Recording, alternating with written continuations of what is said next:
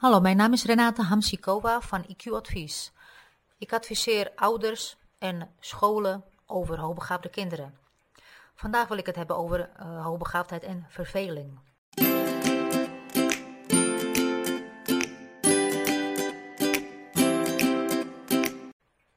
Hoe reageer jij als je kind klaagt? Het is saai, ik verveel me. Of het was saai op school vandaag. Wanneer worden gevoelens van verveling ondraagbaar? Hoe ga je om met gedragsproblemen die te maken hebben met verveling?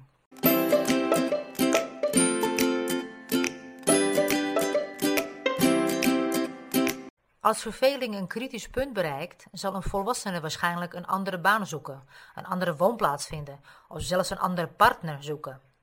Soms is deze verandering nodig en zal het gevoel van verveling verlichten.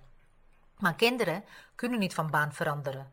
Ze moeten naar school blijven gaan en heel zelden hebben ze de mogelijkheid om van school of klas te veranderen. Als volwassenen of kinderen vastzitten, zullen ze meestal op een van de twee volgende manieren reageren. Ze zullen een vervangende bezigheid zoeken of ze zullen hun omgeving ontsnappen door dagdromen. Niemand houdt ervan te lang verveling te ervaren. Kinderen leren al snel dat als ze het woord verveling gebruiken, zij de aandacht van volwassenen krijgen. Maar hoe weet je of je te maken hebt met een echte verveling of met afleidingsmanoeuvre? Ik zal je negen factoren van verveling uh, geven eerst. En daarna kan ik wat tips noemen hoe met de verveling om te gaan. Nou, volgens verschillende psychologische onderzoeken zijn er negen factoren die bijdragen aan verveling. Een aantal van deze factoren heeft direct verband met karakteristieken van hoogbegaafde kinderen. 1. Leeftijd. Het gevoel van verveling bereikt een hoog niveau in adolescentie als men verwacht om betrokken te worden bij zinvolle en productieve werk. 2. Geslacht. Zowel jongens als meisjes ervaren verveling op ongeveer dezelfde manier. Maar onderzoekers denken dat meisjes dit gevoel eerder identificeren uh, met een depressie, terwijl jongens eerder zeggen dat ze zich vervelen. Uh, derde factor, waarneming van tijd. Diegenen die verveling ervaren, hebben het gevoel dat de tijd niet vooruitkomt. Dit kan tot het gevolg leiden, uh, tot gevolg hebben dat de hele dag saai was, terwijl in de echte tijd de saaie stuk misschien slechts een paar minuten duurde. Hoogbegaafde kinderen zijn vaak veel eerder klaar met hun werk dan andere kinderen, zodat ze tijd overhouden om gevuld te worden met iets anders.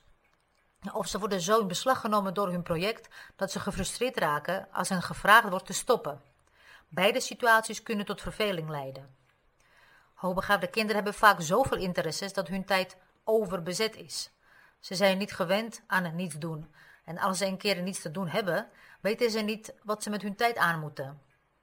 Ouders zouden hen in zo'n geval kunnen helpen een aantal ideeën te genereren om met de vrije tijd te leren omgaan.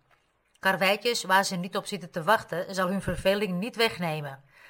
Dus alternatieven zouden de interesses van het kind moeten aanspreken, hun mentale betrokkenheid of een fysieke inspanning moeten leveren.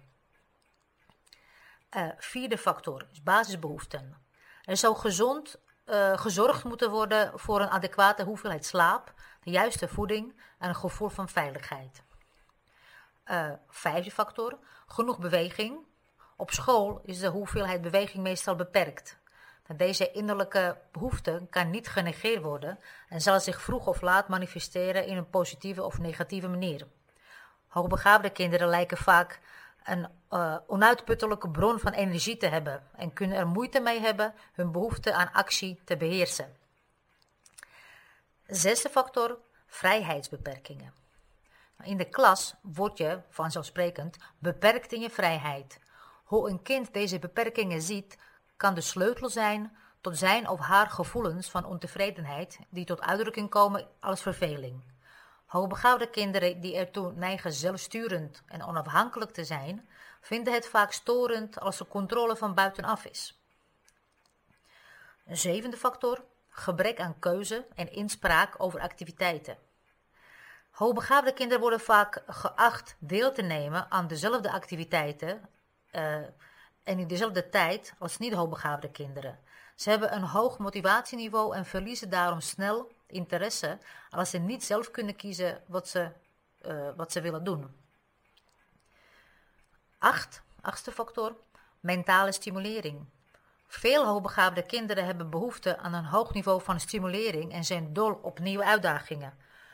Hun hoge leersnelheid en een goede geheugen veroorzaken dat ze ongeduldig worden tijdens herhaling en dat ze routinetaken afwijzen en mijden.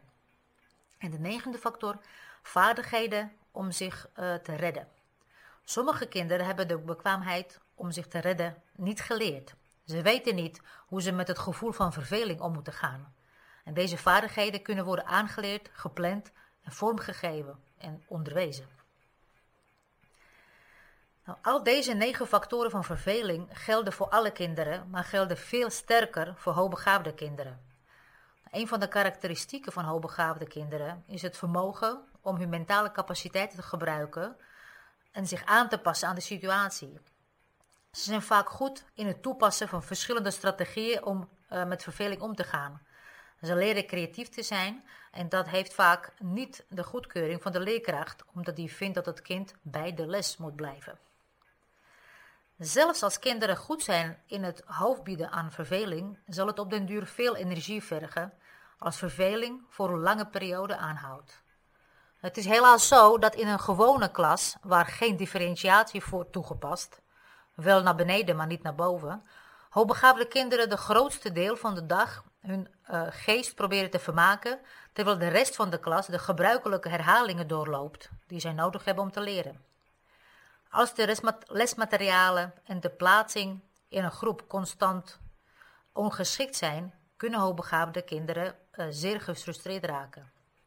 Nou, en aan de andere kant, als hoogbegaafde kinderen opdrachten op hun denkniveau en, uh, uh, krijgen en uitgedaagd worden, kunnen ze zich zeer lang concentreren.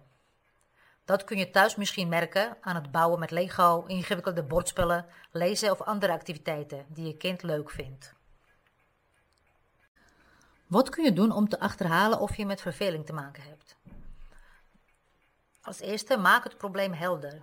Het probleem van verveling kan het beste worden benaderd door gebruik te maken van kritisch denken om het probleem te analyseren en creatief denken om oplossingen te genereren. Zo'n benadering behelst beeldvorming van het probleem, creëren van een plan en toepassen ervan en controleren of het effectief is. De volgende vragen kunnen jou en je kind helpen de periode van verveling duidelijk te krijgen. Begrijp je de instructie en wat je moet doen? Ben je bang wat er zal gebeuren als je de opdracht niet goed afrondt? Wat doe je als jouw leerkracht niet goed vindt wat je gedaan hebt? Heb je geen interesse meer op deze, om deze opdracht af te maken en waarom niet? Ben je te lang met opdrachten bezig of heb je dit soort opdrachten al vaker gedaan?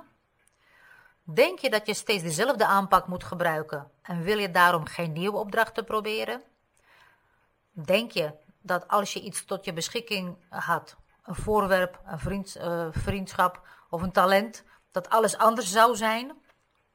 Deze vragen kunnen de oorzaak van verveling aan het licht brengen. Elke situatie die inactiviteit veroorzaakt en die betrokkenheid blokkeert, leidt tot verveling. Als de oorzaak eenmalig is vastgesteld, kan een specifieke positieve actie worden ondernomen om verveling in de toekomst te voorkomen. Een geschreven logboek kan ook behulpzaam zijn om te zien welke activiteiten en welke onderwerpen voor hoe lang en tijdens welke periode van de dag leiden tot verveling. Gevestigde patronen geven aan welke onderwerpen aandacht nodig hebben en voorspellen wanneer verveling weer kan optreden. En jouw kind heeft hierbij hulp en sturing nodig. Dus maak een plan. Nadat het probleemgebied is vastgesteld, kan het van twee kanten benaderd worden. Je kunt op zoek gaan naar manieren om de situatie te veranderen, of je kunt de perceptie van de situatie van het kind veranderen. Het komt vaak voor dat er geen of te weinig onderwijsaanpassing kan plaatsvinden en dat er te weinig of niets geschrapt kan worden. Dat komt vaak door onwetendheid van school. Waardoor in feite niets aan verveling op school gedaan kan worden.